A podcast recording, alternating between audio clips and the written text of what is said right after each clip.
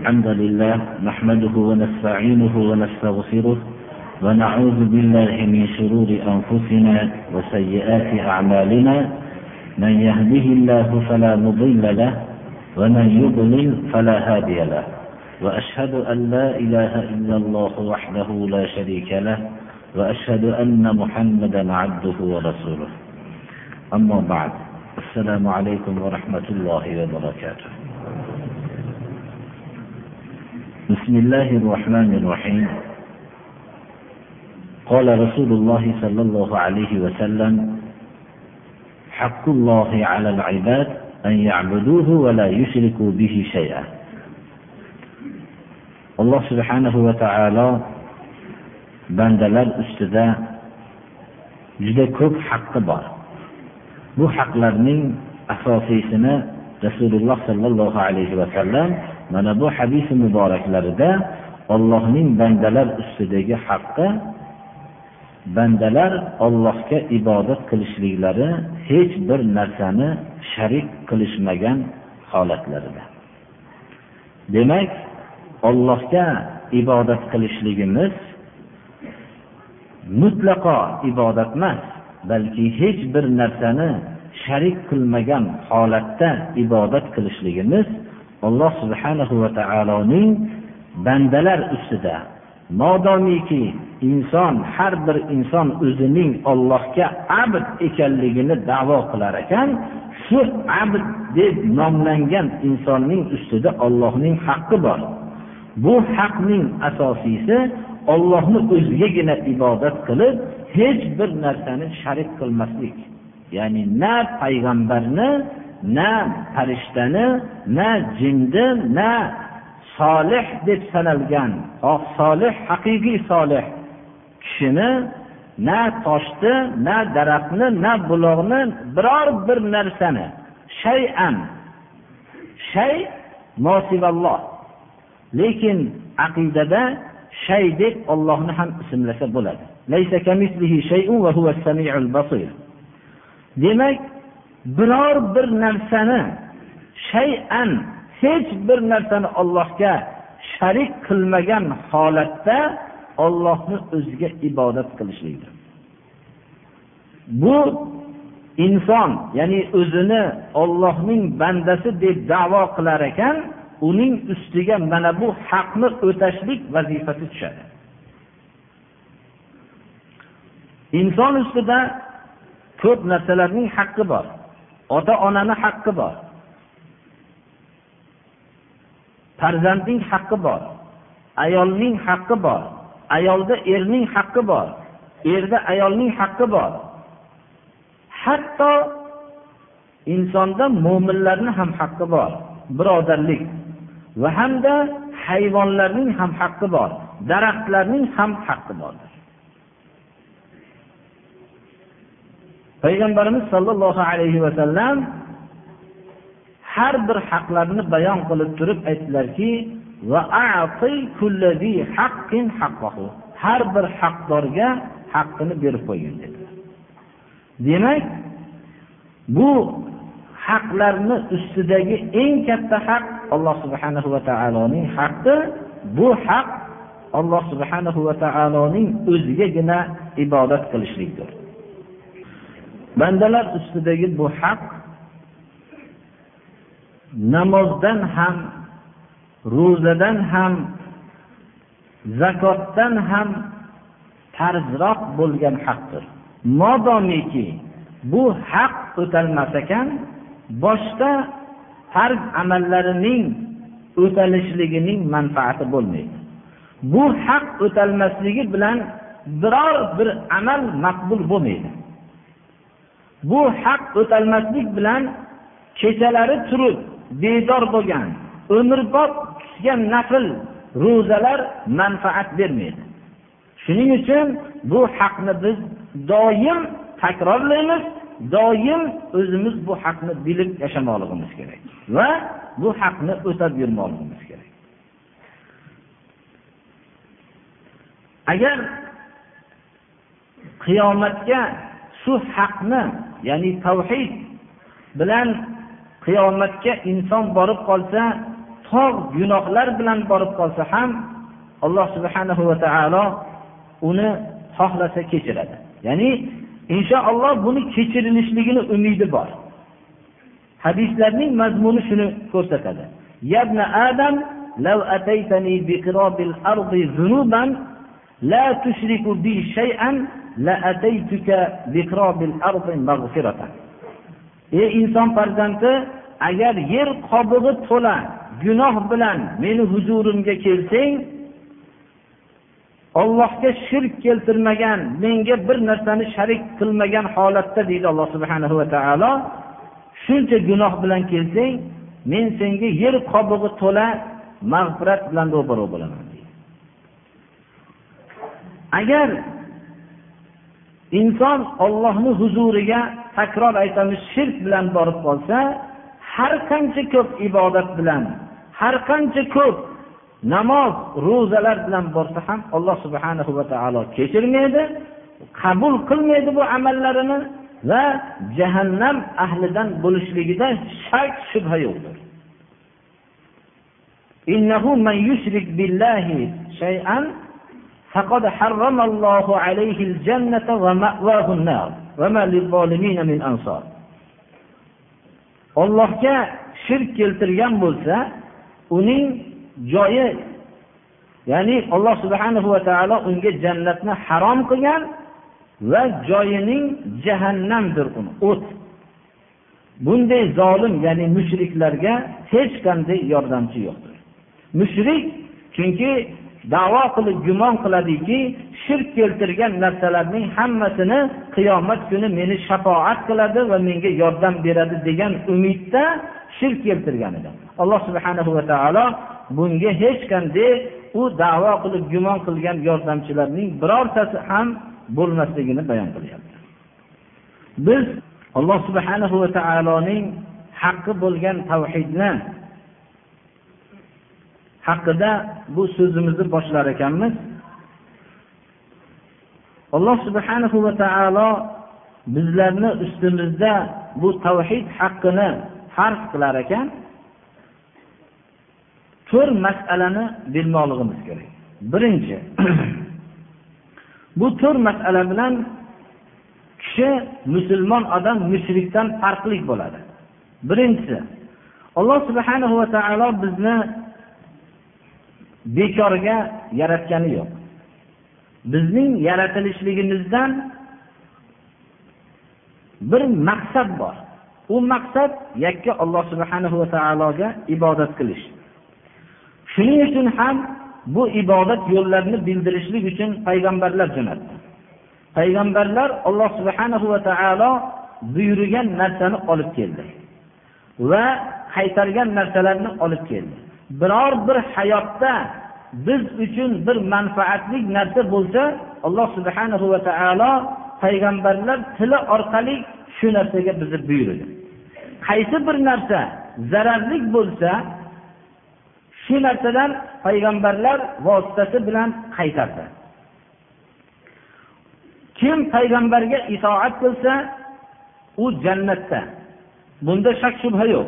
Alloh subhanahu va taolo va'da qildi payg'ambarlarga itoat qilganlar jannatda dedi kim payg'ambarlarga itoat qilmasa u jahannamda bunda ham shak shubha yo'q ومن يطع الله ورسوله يدخله جنات تجري من تحتها الأنهار خالدين فيها وذلك الفوز العظيم ومن يعص الله ورسوله ويتعدى حدوده يدخله نارا خالدا فيها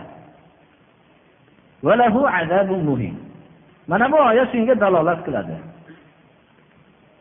rasululloh sollallohu alayhi vasallam aytdilarki kullu ummati yadkhuluna al-jannata illa man aba قالوا ومن يأبى قال من أطاعني دخل الجنة ومن عصاني فقد أبى ummatimni hammasi jannatga kiradi dedi demak bu bashorat juda bir katta bashorat bo'ldi. Mening ummatimni hammasi jannatga kiradi. Magar jannatga kirishlikdan bosh tortganlar kirmaydi. Ashoblar ajablanishdilar. Ya'ni jannatga kirmayman deb mahkam turib olgan odamlar jannatga kirmaydi. Shunda sahobalar so'rashdilarki yo rasululloh kim jannatga kirishlikdan bosh tortadi? dedi jannatga kirishlikdan bosh tortgan kishilarni aytdilarki kim menga itoat qilsa jannatga kiradi dedilar. Kim menga itoat qilmasa shu jannatga kirishlikdan bosh tortgani dedilar. Chunki payg'ambarlar olib kelgan yo'l jannat yo'lidir. Bundan boshqa jannat yo'li bo'lishligi mumkin emas yo'q birodarlar. Shuning uchun jannatga kirishlikdan bosh tortgan odam bor deb aytilsa inson ajablanadi. Rasululloh sollallohu alayhi vasallamga itoat qilmagan odamlar jannatga kirishlikdan bosh tortgan odamlar. Bu rasululloh sollallohu alayhi vasallamning shahodatlari bilan. Birinchi biz bilishligimiz kerak bo'lgan narsa mana shu aytib o'tgan narsamiz. Demak ollohning rasuliga bo'lgan itoatga va'da qilingan mukofot dunyodagi martabalar emas. Yo bir moli davlatli bo'lishlik emas yoinki sog'lom o'sishlik emas yoinki bola chaqali bo'lishlik emas yoinki o'g'li ko'p bo'lishlik emas yoinki qizi ko'p bo'lishlik emas yoinki bir dabdaba bilan yashashlik emas. Hamma rasululloh sollallohu alayhi vasallamga itoat qilingan narsaga bo'lgan mukofot bitta narsa u jannat. Mo'min kishining ro'barosida bu muqarrar bo'lmoqligi kerak. Bizning hayotimizdagi juda ko'p odamlarning shu islom haqiqatini bilmasliklari va hayotda bu qanaqasi bo'ldi biz musulmon ediku?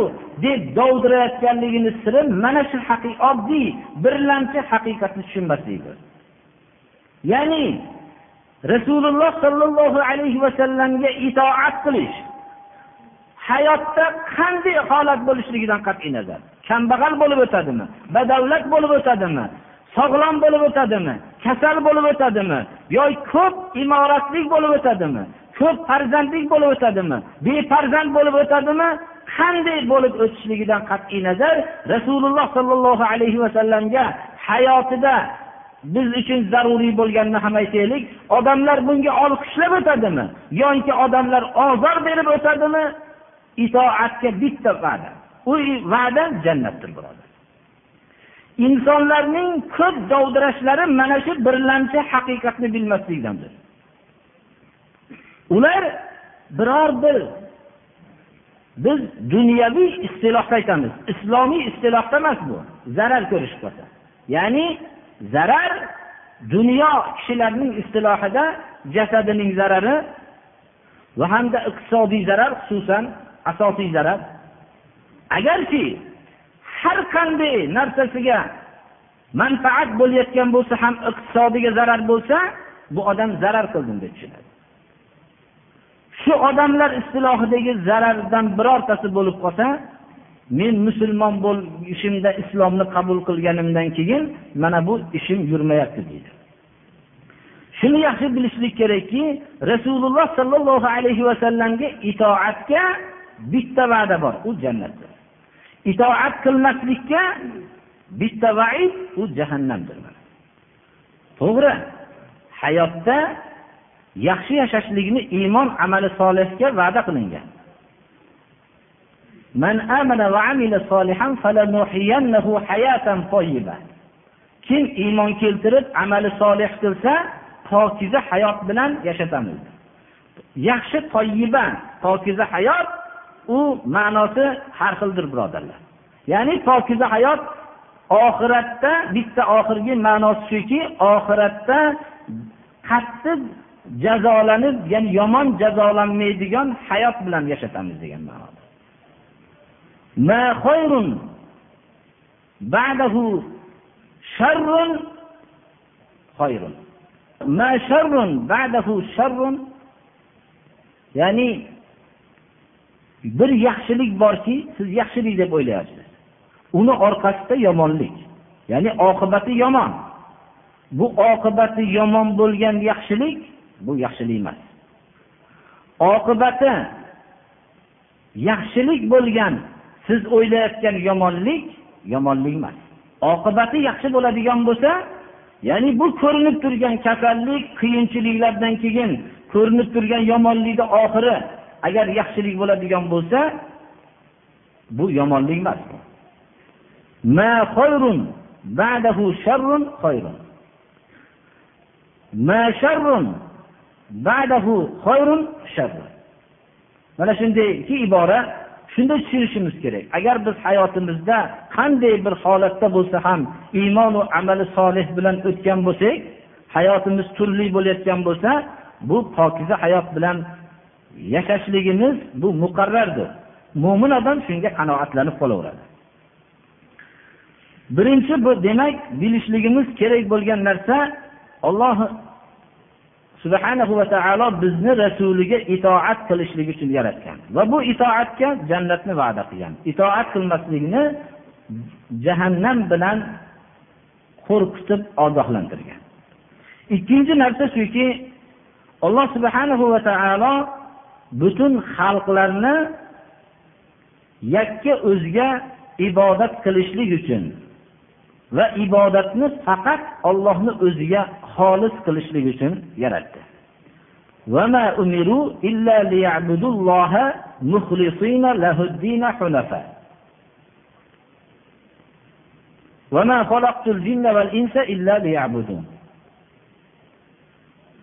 Hayotda odamlar ibodat qilishadi.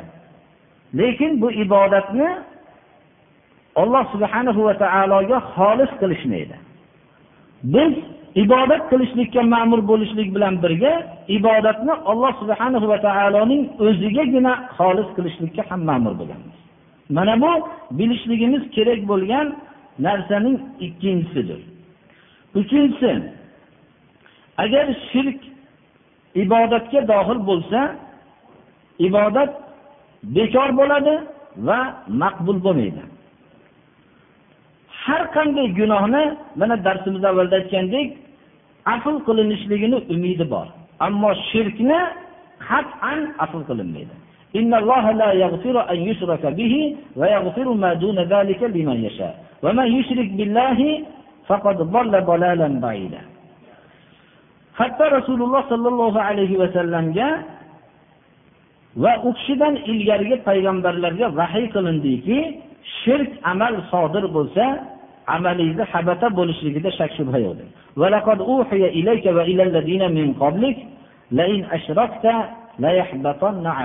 mana shu oyat endi bizga nihoyat darajada bir qattiq bir vaidki agar shu bilan ta'sirlanmasak ya'ni rasululloh sollallohu alayhi vasallamdek habibul alamin sayyidul ambiyoga ayovsiz suratda hech qanday ayamasdan agar shirk amal sizdan sodir bo'lsa amalingizni habata bo'lishligida shak shubha yo'q deyapti alloh taolo.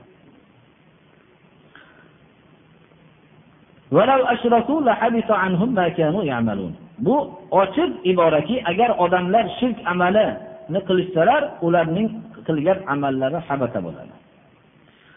Shu shirkning turlaridan ba'zilari inson ollohdan boshqani xoh aytib o'tganimizdek payg'ambar xoh solih kishi xoh folbin xoh sehrgar xoh jin xoh daraxt xoh yulduz xoh buloq xoh tog' shu narsalar manfaat yetkazadi yo zarar yetkazadi degan g'aybiy e'tiqodotlarni qilsa bu mushrik bo'ladi. Alloh subhanahu va taolo qur'oni karimning necha oyatlarida zarar yetkazuvchi ham o'zi ekanligini foyda yetkazuvchi ham o'zi ekanligini bayon qilyapti.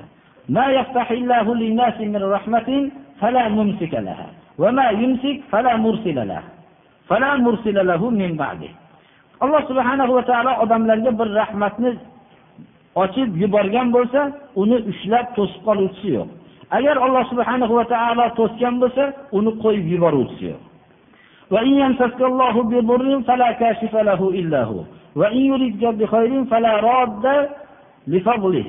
Mana bu oyatlar hammasi alloh subhana va taolo o'zigina foyda yetkazuvchi va zarar yetkazuvchi zot ekanligiga dalolat qiladi.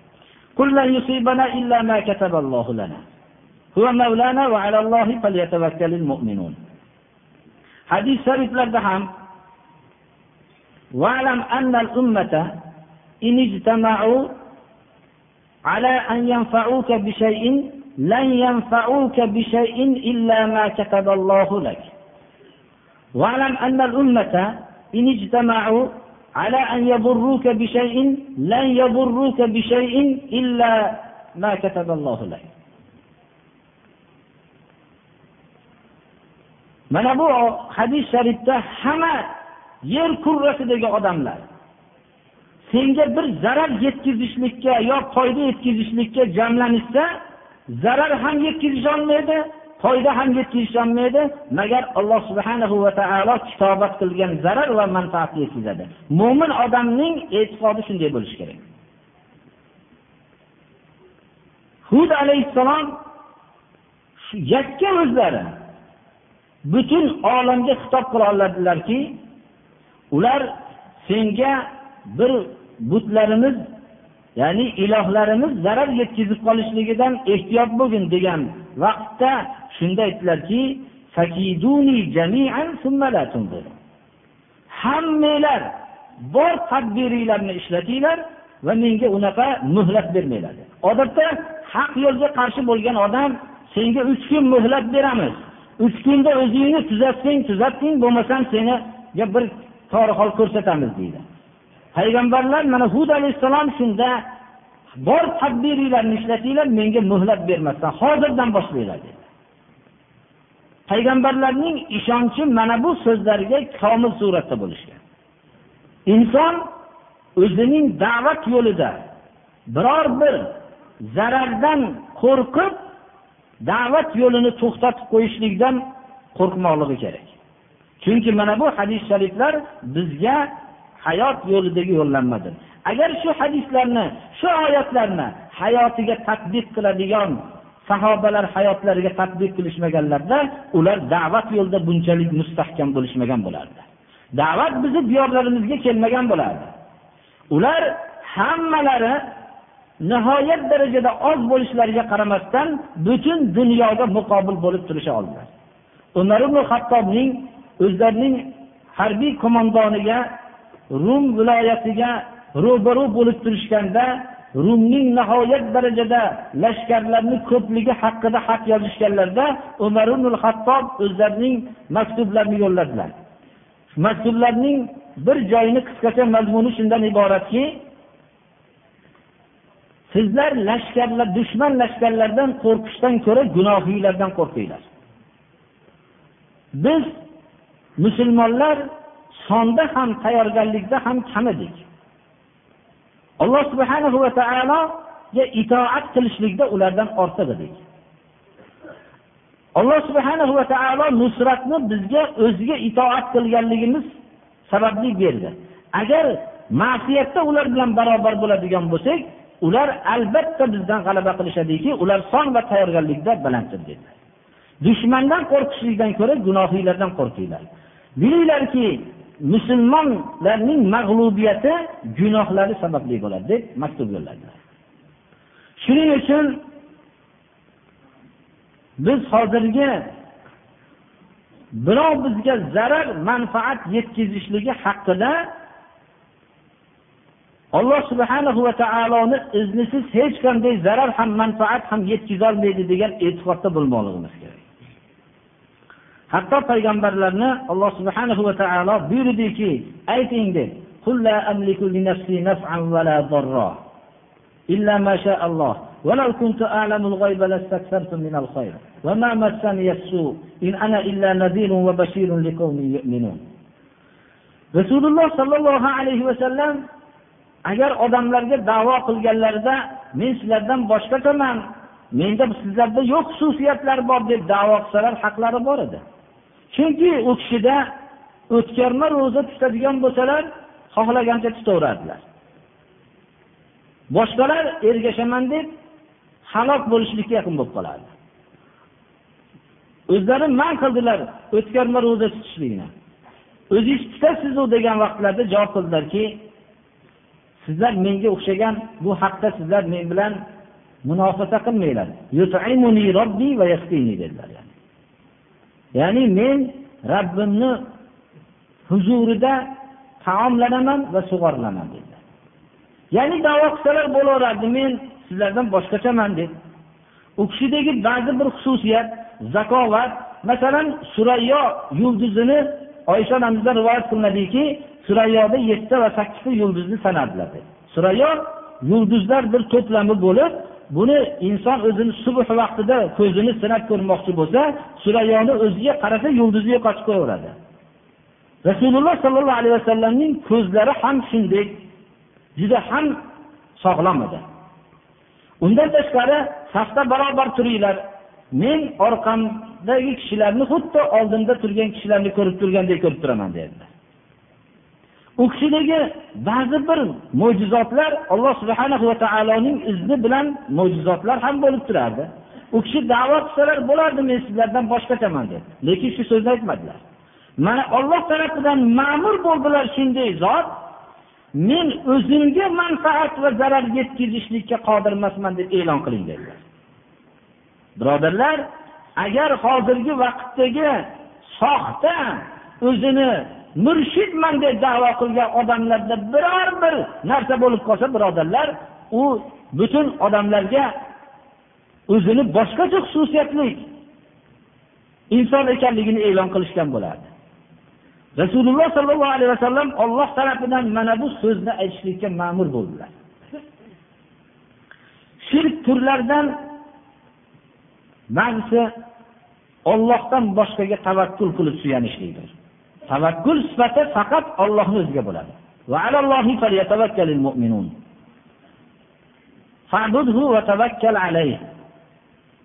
Ibodatni yonida zikr qilinyapti. Demak tavakkul ibodat.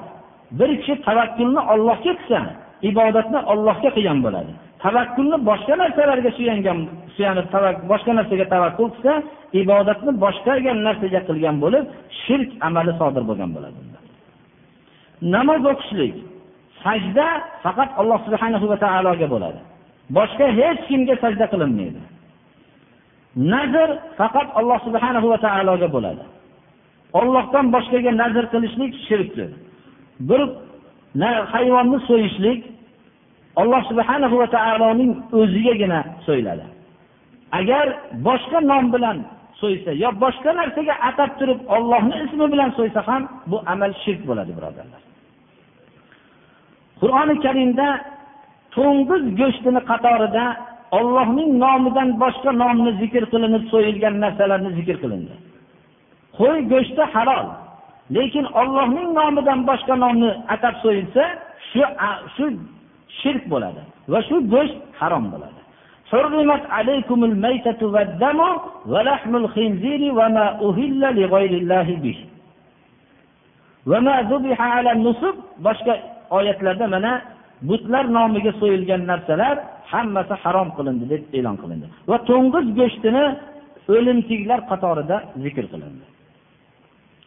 Ba'zi kishilar aytishligi mumkinki mumkin emas lekin aytishadi. Biz namozni ollohga o'qiyapmiz. Bu so'yishligimiz ibodat emas.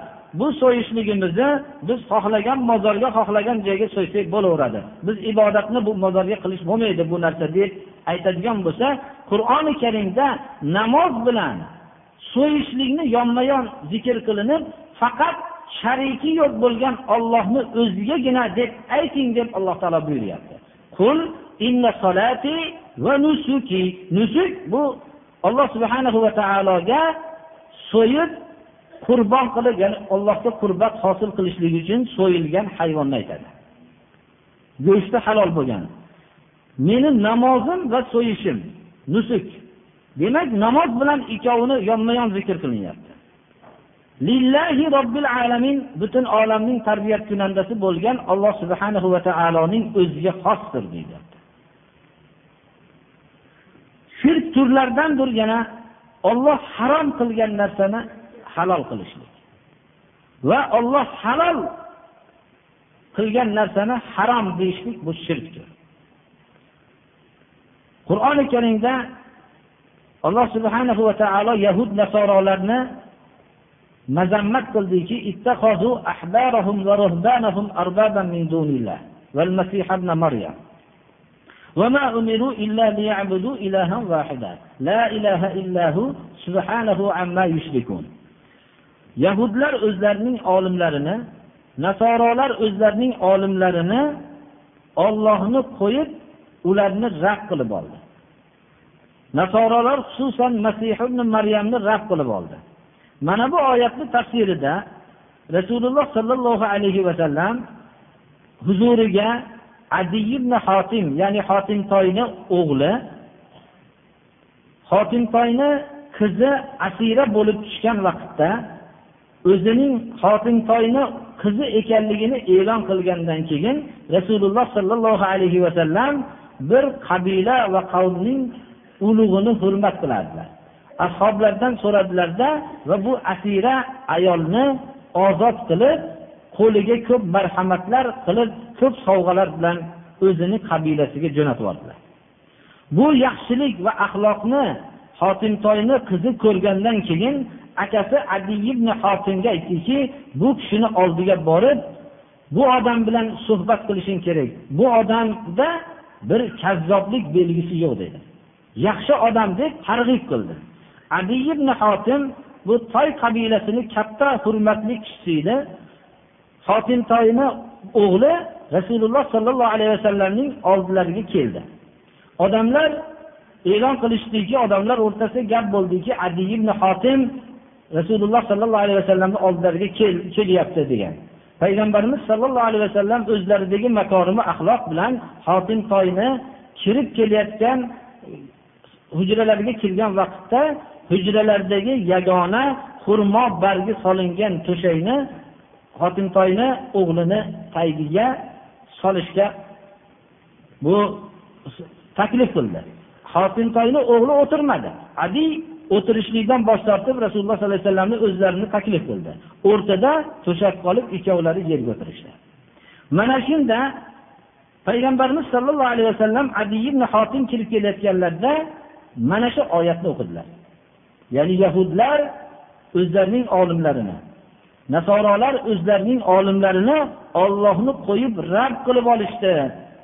degan oyatni o'qiganimda adi ibn hotim aytdiki yo rasululloh hozirgi mushriklar aytayotganga o'xshagan yo rasululloh yahudlar nasorolar olimlarga ibodat qilishgan emas ularni mehrobga qo'yib olib sajda qilishgan emas deb shunday dedi shunda rasululloh sollallohu alayhi vasallam aytdilarki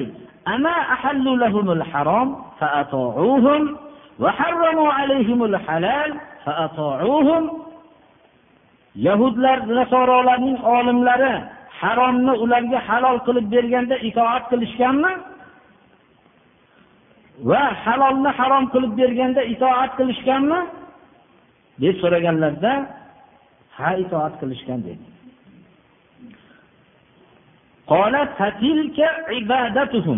Mana shu ibodatlari dedi.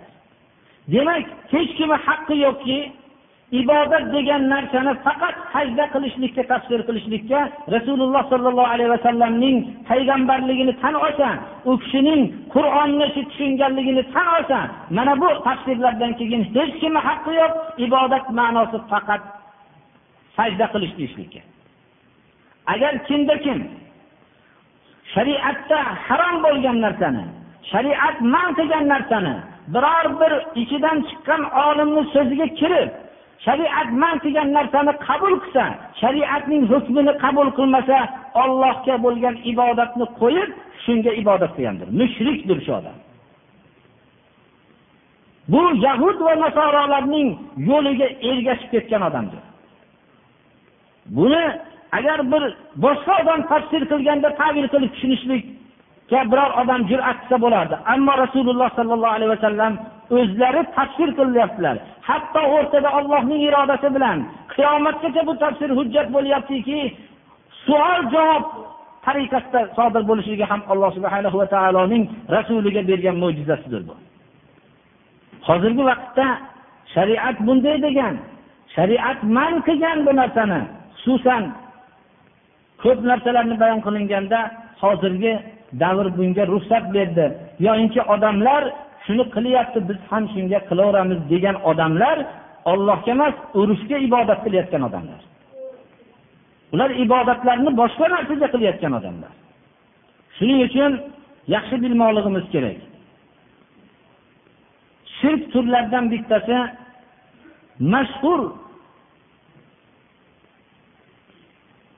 qabrlarga o'zini bog'lab shu yerlarga sig'inib shu yerda shu qabrlar menga manfaat beradi kelayotgan baloni qaytaradi deb e'tikof qilib o'zini bog'lash mana bu shirk amallardandir.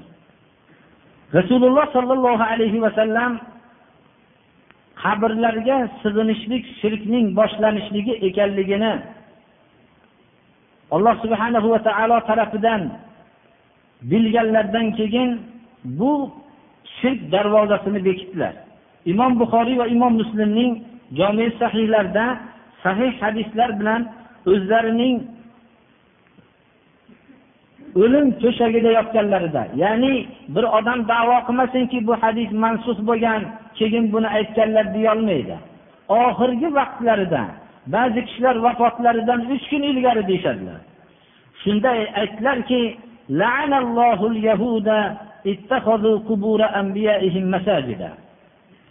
yahudlarni olloh la'natlasin payg'ambarlarning qabrlarini masjid qilib olishgan deydilar oddiy odamlarni qabristonlarini emas payg'ambarlarning qabrlarini masjid qilib olgan yahudlarga ollohning la'natini e'lon qildilar. Demak qabrlarga masjid qilish bu yahudlarning yo'li.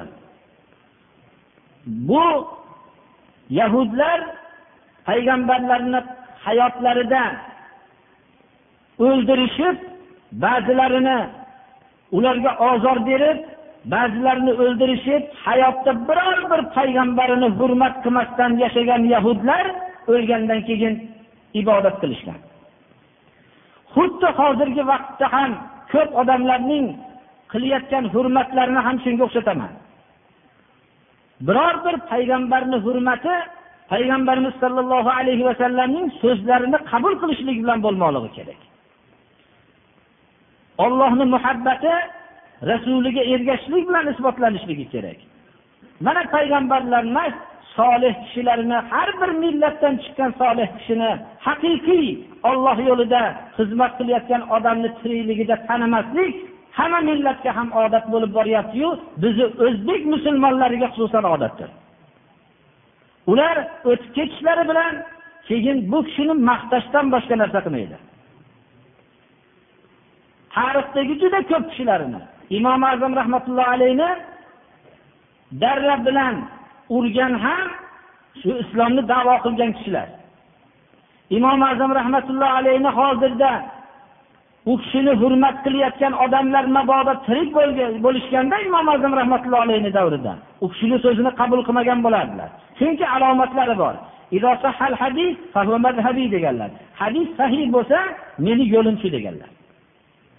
Meni so'zimni hadislarga solishtiringlar.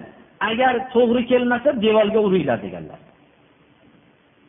Imomi buxoriyni samarqanddan chiqarib tashlagan ham shu musulmonman degan kishilar birodarlar. Imomi buxoriy jomi sahihlari qur'oni karimdan keyin hamma ulamolarning ittifoqi bilan ulug' kitob deb e'tibor qilingan kitobdir. Buxorodan buxoroga kirmoqchi bo'lib ketayotganlarida buxoro tarafidan ham xabar keldiki buxoroga kirishlikka sizga ruxsat yo'q degan. Hartang degan joyga kelganlarida alloh subhanahu va taolodan omonatni olishlikni shu yerda duo qildilar. Duolari ijobat bo'lib shu yerda qoldilar. Birodarlar qaysi bir tarixda bir katta bir haqiqiy inson kelsa uni hayotida hurmatlamasdan hayotidan keyin hurmatlashlik bu yahudiylar mana bu payg'ambarlarni qabrlarini masjid qilishib olgan. Payg'ambarlarning tirikliklarida payg'ambarlarga zulm qilib zalolatda ketishgan bo'lsa vafot qilganlaridan keyin haddan tashqari hurmat bilan zalolatga ketishgan. Shuning uchun biz bu hadisni nihoyatda bir qaytarib mahkamlamoqligimiz kerak. Undan tashqari qabrdaglar bizga katta joylarni tashlab ketgandan keyin ularning bir gaz joyiga yana tolashib shu yerga biz masjid qurmasligimiz kerak لعن الله زائرات القبور والمتخذين عليها المساجد والسروج qabrlarni ziyorat qiluvchi ayollarga ollohni la'nati bo'lsin dedilar qaysi narsa la'nat e'lon qilingan bo'lsa shu hozirgi xalqlarda bor birodarlar Ajib ertamanda vafot qilgandan keyin qabrlarni ziyoratiga erkaklar bor erkaklarga la'nat e'lon qilinmagan o'zi zohirda. Lekin ayollarga la'nat e'lon qilinganligi uchun bo'lsa kerak ayollar la'nat e'lon qilingan joyga borishadi.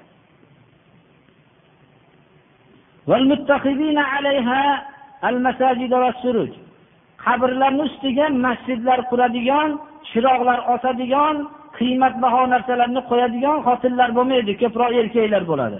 Hadisni mo'jizasi shuki buni muzakkarlar bilan kelyapti. Qabrlar ustiga masjidlaru chiroqlar qurgan kishilarga ollohning la'nati bo'lsin dedilar. Chunki bu isrof birodarlar. Bir odam dadasini qabrini dadasini hurmat qilmoqchi bo'lsa dadasiga manfaat yetkazmoqchi bo'lsa uni ustiga chiroq o'rnatishlik bilan bo'lmaydi. U chiroqga sarf bo'ladigan pulni ollohni yo'lida sarf qilib dadasiga shuni savobi bo'lishligini ollohdan so'rashlik bilan bo'ladi. Mabodo dadasida qasdi bo'lsa o'zini ham la'natxonada qolishligini qilmoqchi bo'lsa qabrga masjid qurib mana shunday chiroqlarni osib qo'ysin.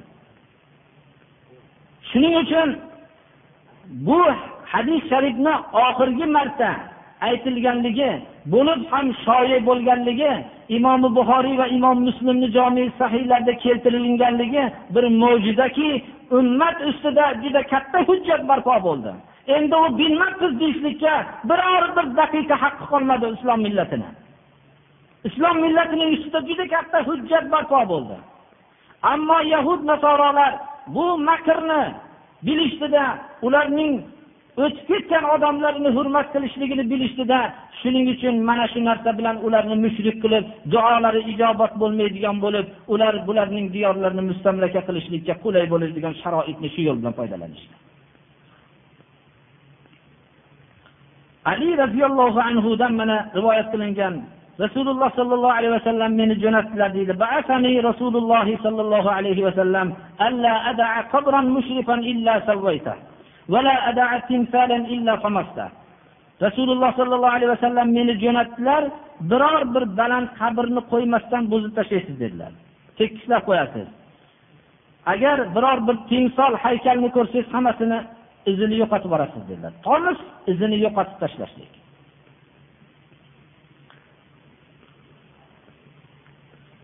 Umar ibn hattob roziyallohu anhuga xabar keldiki xilofat davrlarida payg'ambarimiz sollallohu alayhi vasallam hudaybiya sulhida hammamizga ma'lumki birinchi marta makka mukarramaga haj qilishlik uchun kelayotganlarida makka mushriklari ya'ni madina munavvaraga hijrat qilib chiqib ketganlaridan keyin qaytib kelayotganlarida makka mushriklari yo'llarini to'sishdi.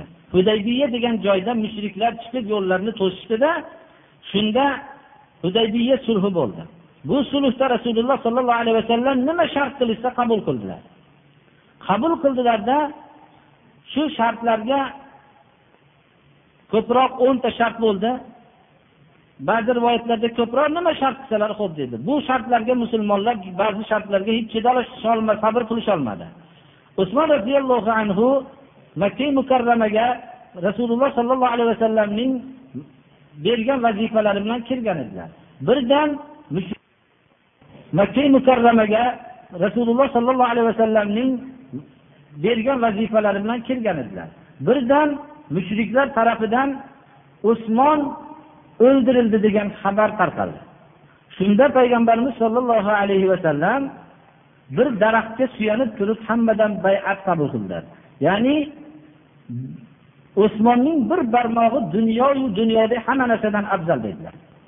Va shu yerda jihod qilishlikka bayat bog'lab turganlar. Keyin chiqdilarda hamma tinchlangan bo'ldi. Shunda alloh subhanahu va taolo butun jonu mollarini tikib makkaga jihod qilishlikka tayyor bo'lishdi. Alloh subhanahu va taolo bayat qilganlardan rozi bo'ldi.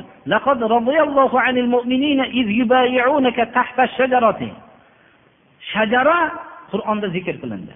Olloh rozi bo'ldi shu daraxtni tagida siz bilan bayat qilganlar bilan dedi. Birodarlar bu daraxtni zikri qur'onda nozil bo'ldi. Qur'onda abadiy qiyomatgacha qoldi. Modomiki yerda hayot turar ekan qur'on turadi. Shu qur'onda shu daraxt zikri bo'ladi. Olloh rozi bo'ldi bu daraxtni tagida bayat qilganlardan. Umar ibn hattobning davriga kelganlarida xalifa bo'lib turganlarida xabar keldiki shu daraxtga odamlar borib shu daraxtni tagida bayat bo'lgan ekan. Shu daraxt bayat bo'lgan buni tagida bayat bo'lgan kishilardan olloh rozi bo'lgan.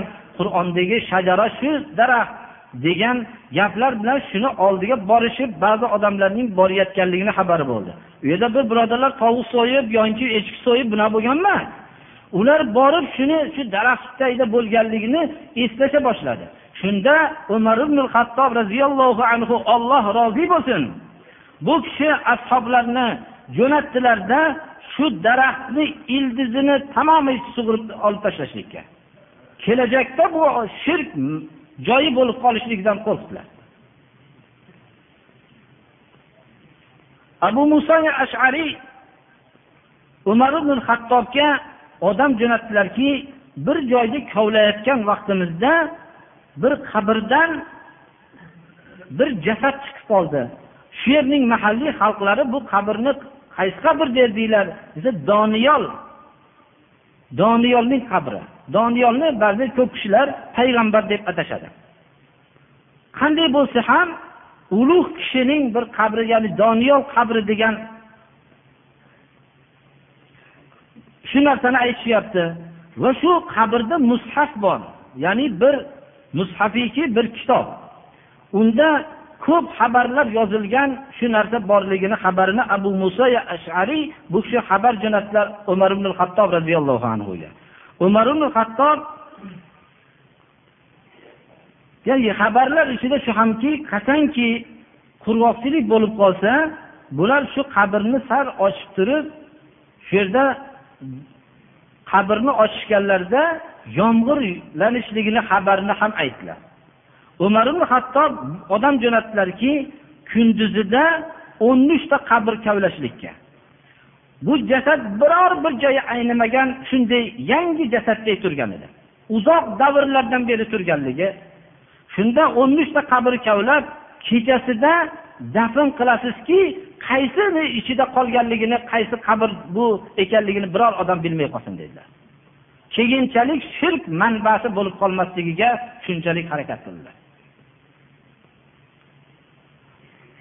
Shuning uchun ham birodarlar mana bu umar ibn hattobning mana bu qilgan ishlari rasululloh sollallohu alayhi vasallamning yo'llarini tutganlaridir bu.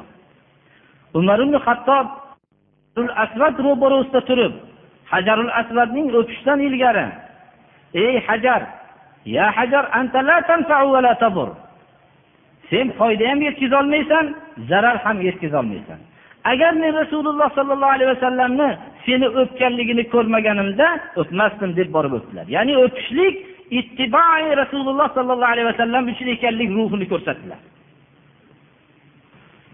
Xullas biz shuni bilishimiz kerak bo'lgan masalalarning to'rtinchisi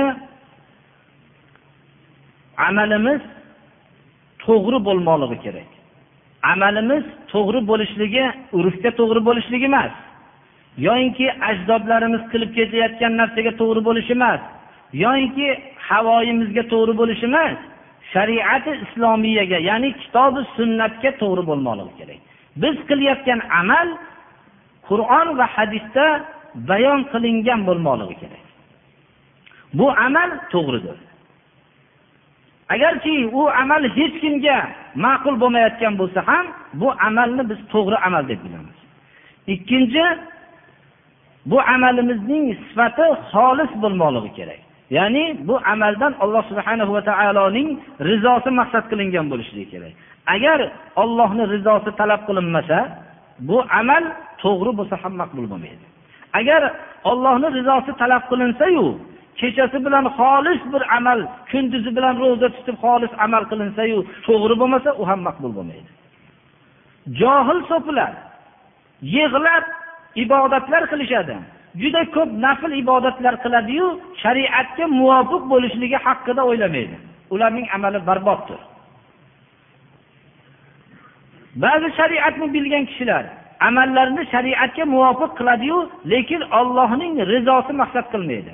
Bu ham bu amal ham barboddir. Hammamizga ma'lumki amalning eng yaxshilaridan birinchisi qorilik va olloh yo'lida jihod va saxovat. Shu uchov yaxshi amal. Mana imom buxoriyning hadislarida ollohni rizosi uchun bo'lmaganligi sababli jahannamga uloqtiriladigan kishilarning birinchilari shulardir deb bayon qilingan. Chunki odamlar qori debsin deb tilovat qilgan. Odamlar qahramon desin deb jihod qilgan. Odamlar xotamtoy desin deb saxovat qilgan. To'g'ri degan bidatga sarf qilmagan birodarlar. To'g'ri joylarga sarf qilgan. Lekin riyo bilan qilganligi uchun jahannamga uloqtiriladigan kishilarning birinchisi bo'ladi. Chunki ular mukofotini dunyoda olgan.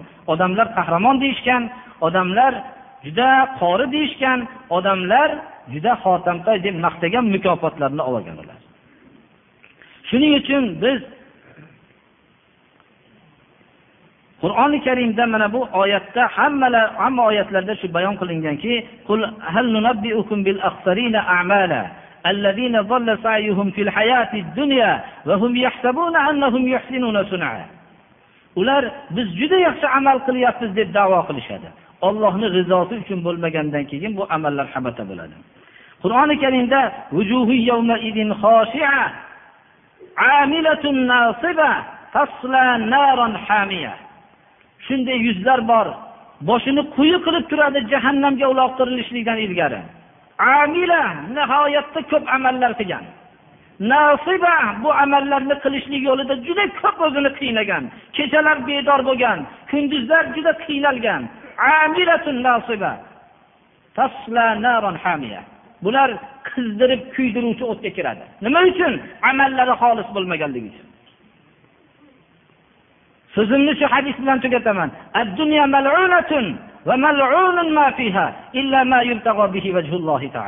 Dunyo malundir hammasi la'natlangandir. Dunyodagi hamma narsa malundir. Magar ollohning rizosi talab qilingan narsagina malun emasdir sizlarga bu so'z qo'pol bo'lishligi tushunmaslik mumkin.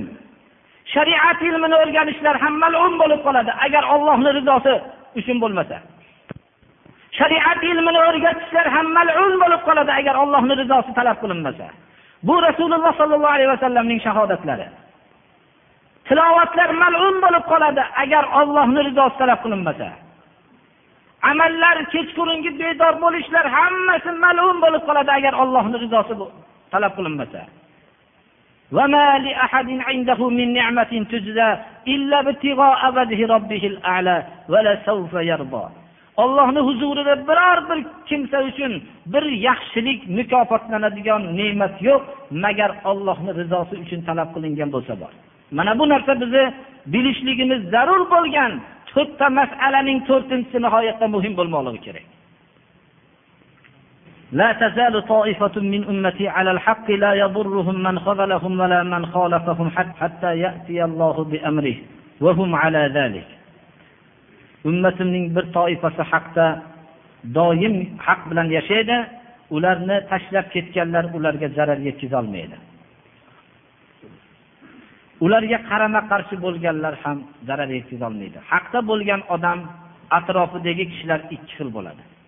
Haqda bo'lib turgan odamni bir qism odamlar bunga zarar yetsa bizga ham yetib qoladi deb tashlab ketadi. Ikkinchisi ochiq qarshi bo'ladi. Ikkalalari zarar qilmaydi. Ular haqda qolib ketaveradi. Haqda mustahkam turadi. Hatto alloh subhanahu va taoloning o'zining hayotdagi oxirgi muhlat kelguncha shunday bo'ladi. Ular shu haqda qolib dunyodan ko'z yumishadi. Alloh subhanahu va taolo hammamizni ham mana shu rasululloh sollallohu alayhi vasallam bashorat bergan toifadan qilsin. Ammo bu narsa birodarlar osonlik bilan qo'lga kelmaydi birodarlar. Haqqa amal qiladigan odam ko'p bo'ladi haqning bozori chaqqon bo'lganda. Ammo haqqa amal qilishlik haqning bozori kasad bo'lganda haqqa amal qiladigan odamlar juda ozayib ketadi. Fazoili sahobadan abdulloh ibn abbosga kelgan ekanmiz.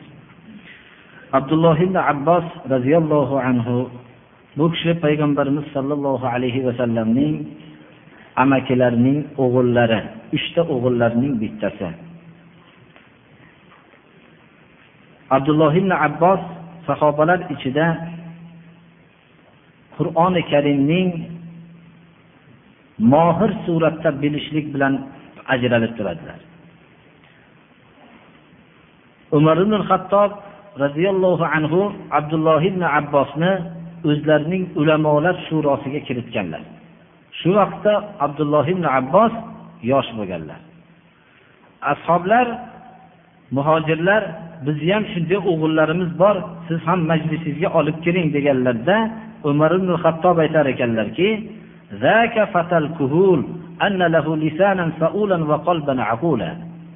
bu chollarni yigiti deb qo'yar ekanlar.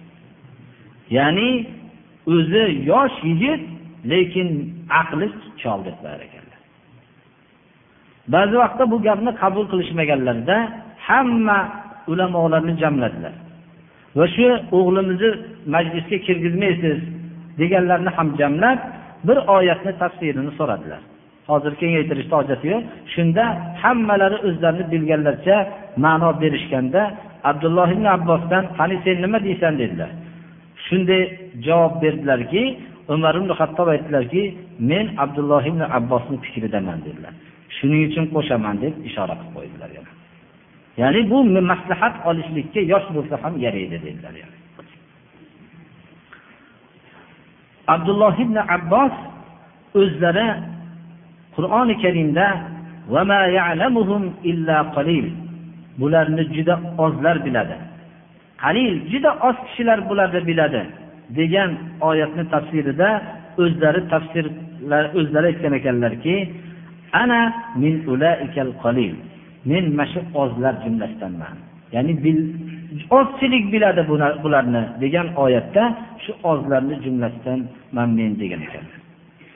Abdulloh ibn abbos haqida payg'ambarimiz sollallohu alayhi vasallam besh yoshlik vaqtlarida tahoratga abdulloh ibn abbos suv olib borgan ekanlar. Katta sahobalarni ichida shunga o'zlari zakovatlik qilib bilib chunki rasululloh sollallohu alayhi vasallam tahorat qilishlik uchun uzoqlarga ketardilar.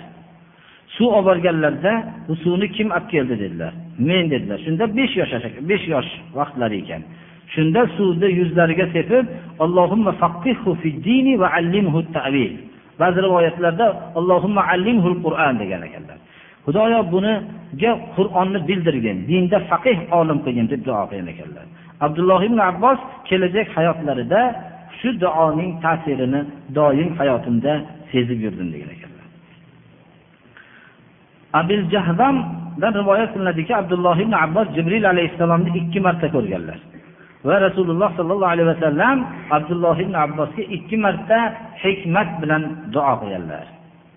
Hadija roziyallohu anhoning fazilatlari haqida payg'ambarimiz sollallohu alayhi vasallam hadisha onamizga turmush qildilar o'zlari yigirma besh yosh vaqtlarida. Hadisha onamiz qirq yosh edilar ikkita farzandlari bor edi. Shu hadisha onamizga turmush qildilar.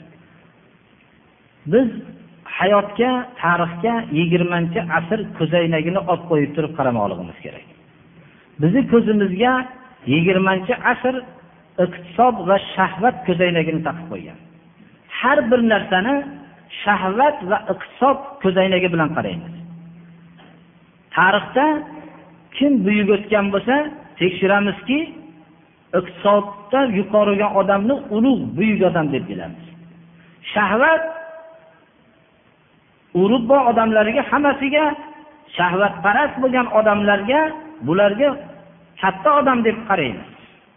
Ularning bu shahvatparastligi bekitilinadi ammo islom kishilari biror bir amalni qilib qolsa u amalni tagidagi hikmatni qaramaydida sal shahvatga yo iqtisodga aloqamand bo'lsa bularni yomonlab o'rganishlikka bizning shu sezmagan holatda bizning ko'zimizga ko'rinmay turgan iqtisod va shahvat ko'zoynagi shunday ko'rsatadi. Shuning uchun biz tarixga yigirmanchi asrning ko'zoynagini olib qo'ysak tarixni o'zini ko'ra olamiz. Mana hozir shu misolni olaylik. Rasululloh sollallohu alayhi vasallam yigirma besh yoshlarida hadisha onamiz qirq yoshlarida ikkita farzandli ayolga turmush qildilar shu turmushni hozirgi odamlarning hammasi turmush qilgan bu yosh yigit bunday turmushga yaxshi foydali turmush qilmagan deb qaraydi. Lekin abu tolib xutba o'qidilar. Abu tolibning xutbasidan shu ma'lum bo'ladiki hadija misli yo'q ayol. To'g'ri lekin mening jiyanim ham kammas deb payg'ambarimiz sollallohu alayhi vasallamdan hadisha onamizning ana shu vaqtda baland martabadaligi hamma sohada yuqori bo'lganligi bu turmushdan foyda rasululloh sollallohu alayhi vasallamga bo'layotgan deb xutba o'qigan. Lekin mana bu hadicha onamizni alloh subhanahu va taolo bir bu kishidagi mo'jiza ba'zi belgilarni bilib turmush qilganlar. Va birinchi bashariyat tarixida birinchi marta ollohning rasuli oxirgi payg'ambarni tasdiqlagan pokiza zot shu kishi bo'lganlar. Hadisa onamiz rasululloh sollallohu alayhi vasallamga shunchalik ko'p xizmat qildilarki payg'ambarimiz sollallohu alayhi vasallamning mana bu axloqlaridan o'zimizga bir xulosa chiqarib olsak bo'ladi. Hadija onamizga mehrlari qancha bo'lganligini. Va hozirgi vaqtda ham har bir erkak kishilar o'zining oilasiga nisbatan shunaqa bir ishni qilganmi yo'qmi bir tekshirib o'zi bilib olsin payg'ambarimiz sollallohu alayhi vasallam qo'y so'ysalar shu qo'yni go'shtlarini bo'lib hadija onamizning shu dugonalariga shu go'shtdan jo'natib yuborar ekanlar vafot qilib ketganlaridan keyin. Biror bir kishi o'zini oilasi o'tib ketgandan keyin shu bir yaxshilik qilganda shuni tanigan ayollarga bir narsa jo'nata oladimi birodarlar? Jo'natganmi? Albatta uni o'z javobi aniq yo'q. Payg'ambarimiz sollallohu alayhi vasallamning shunchalik ko'p hadisha onamizni ko'p yod qilganliklarida vafot qilib ketganlaridan keyin hatto oysha onamiz aytar ekanlarki men biror bir odamga g'ayurlik qilmadim hadisaga g'ayurlik qilganim deydi vaholanki men hadisani ko'rmagan edim deydilar. Rasululloh sollallohu alayhi vasallamning ko'p zikr qilib yod olganlaridan payg'ambarimiz sollallohu alayhi vasallamning nasablari ham asosiy hadisha onamizdan mana nasablari qoldi. Payg'ambarimiz sollallohu alayhi vasallam aytdilarki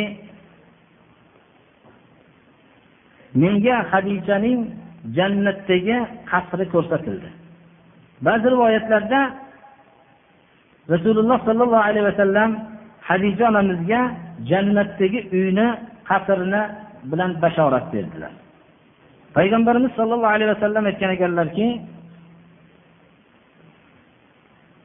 خير نسائها مريم بنت عمران وخير نسائها خديجة رضي الله عنها ya'ni o'tgan ummatlardagi ayollarning eng yaxshisi maryam bintu imron bo'lsa keyingi ummatlarning ichidagi ayollarning eng yaxshisi hadija roziyallohu anhu degan ekanlar ammor ibn yosir fazilatlari ammor ibn yosir sahobalar ichida olloh yo'lida eng qattiq azob chekkan sahobalardandir payg'ambarimiz sollallohu alayhi vasallam ammorga ozor berayotgan vaqtda aytgan ekanlarki ما لهم ولعمار يدعوهم إلى الجنة ويدعونه إلى النار وذلك دأب الأشقياء الفجار degan ekanlar ularga nima bo'ldiki odamlarga ammor jannatga chaqirsa ular ammorni jahannamga chaqirishyapti bunday amal shu badbaxt kishilarning odati shu bo'ladi dedilar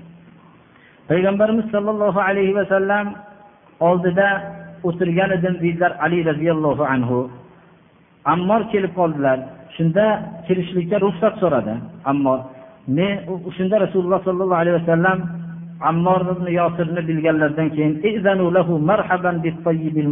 dedilar. Ruxsat beringlar ammorga ruxsat beringlar pokiza pokizalanganga dedilar. Rasululloh sollallohu alayhi vasallam ammor ibn yosir haqida ammarun maliun imanan ila mushashihi. Ammor boshini yuqori qismigacha tovonidan tortib boshigacha iymon bilan to'ladir dedilar. Ikki kishi hammomdan pokizalanib xushbo'ylanib ali roziyallohu anhuni oldiga chiqib keldilar. Shunda aytdilarki kimsizlar? deganlarida biz muhojirlardanmiz dedilar. Ya'ni hijrat qilganlardanmiz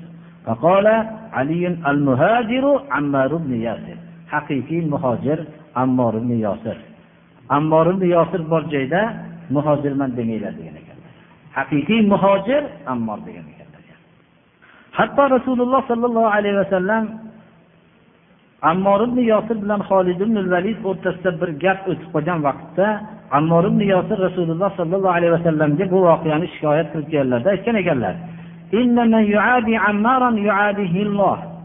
ومن يبغضه يبغضه الله ومن يسبه يسبه الله kim ammorni yomon ko'rsa olloh yomon ko'radi dedilar kim ammorga adovat qilsa olloh adovat qiladi dedilar kim ammorni so'ksa olloh so'kadi uni dedilar bir insonni haqida o'zi uning himoyachisi olloh bo'lishligi fazilati kifoya qiladi birodarlar. Birodarlar bu yerda bir savol bo'lyaptiki merosga nechi yoshlarida qayerda qanday holatda ko'tarilganlar merosga deb rasululloh sollallohu alayhi vasallamga meros bu toifga borganlaridan keyin bo'lgan. Yer yuzida rasululloh sollallohu alayhi vasallamga ozor bermaydigan sanoqli odamlar qolganda yer yuzida hammaga masxara azoblanishlik ozor chekishlik degan juda og'ir holatda bo'lganlarda bu imtihondan yaxshi o'tganlarga alloh subhana va taolo hech kimga tortmagan ozorni tortgan vaqtlarda hech kimga berilmagan ne'mati bilan mukofotladi bu merojdir bu makka mukarramada turganlarida va toifga borgan vaqtlarida. Makka mukarramadagi hayotlari o'n uch yil bo'lgan. Bu islomning mana toifga borib bu so'raganlari bayatul aqabadan keyin bu abdiyolay shu yerda tarafga o'tganlaridan keyin bo'lgan. Yilini aniq qaysi yil bo'lishligidan qat'iy nazar makka mukarramada turganlarida bo'lgan. Nafl namozlar o'qib bo'lmaydigan vaqtda o'qilmaydi. Masalan asr namozi o'qilgandan keyin tahorat qilgan kishi ham nafl namoz o'qimaydi. Tahiyatul masjidni ham kun botguncha ozon aytilguncha shomga ozon aytilguncha o'qimaydi. Payg'ambarimiz sollallohu alayhi vasallamning qabrlari haqida savol bo'libdi birodarlar. Payg'ambarimiz sollallohu alayhi vasallamning qabrlarini hech kim ko'rolmaydi. Agar u yerda o'n yil o'tirsa ham ko'rolmaydi.